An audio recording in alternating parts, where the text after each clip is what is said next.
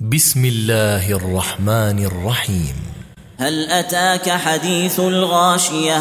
وجوه يومئذ خاشعة عاملة ناصبة تصلى نارا حامية تسقى من عين آنية. ليس لهم طعام إلا من ضريع لا يسمن ولا يغني من جوع. وجوه يومئذ ناعمة لسعيها راضية في جنة عالية لا تسمع فيها لاغية فيها عين جارية فيها سرر مرفوعة وأكواب موضوعة ونمارق مصفوفة وزرابي مبثوثة أفلا ينظرون إلى الإبل كيف خلقت وإلى السماء كيف رفعت وإلى الجبال كيف نصبت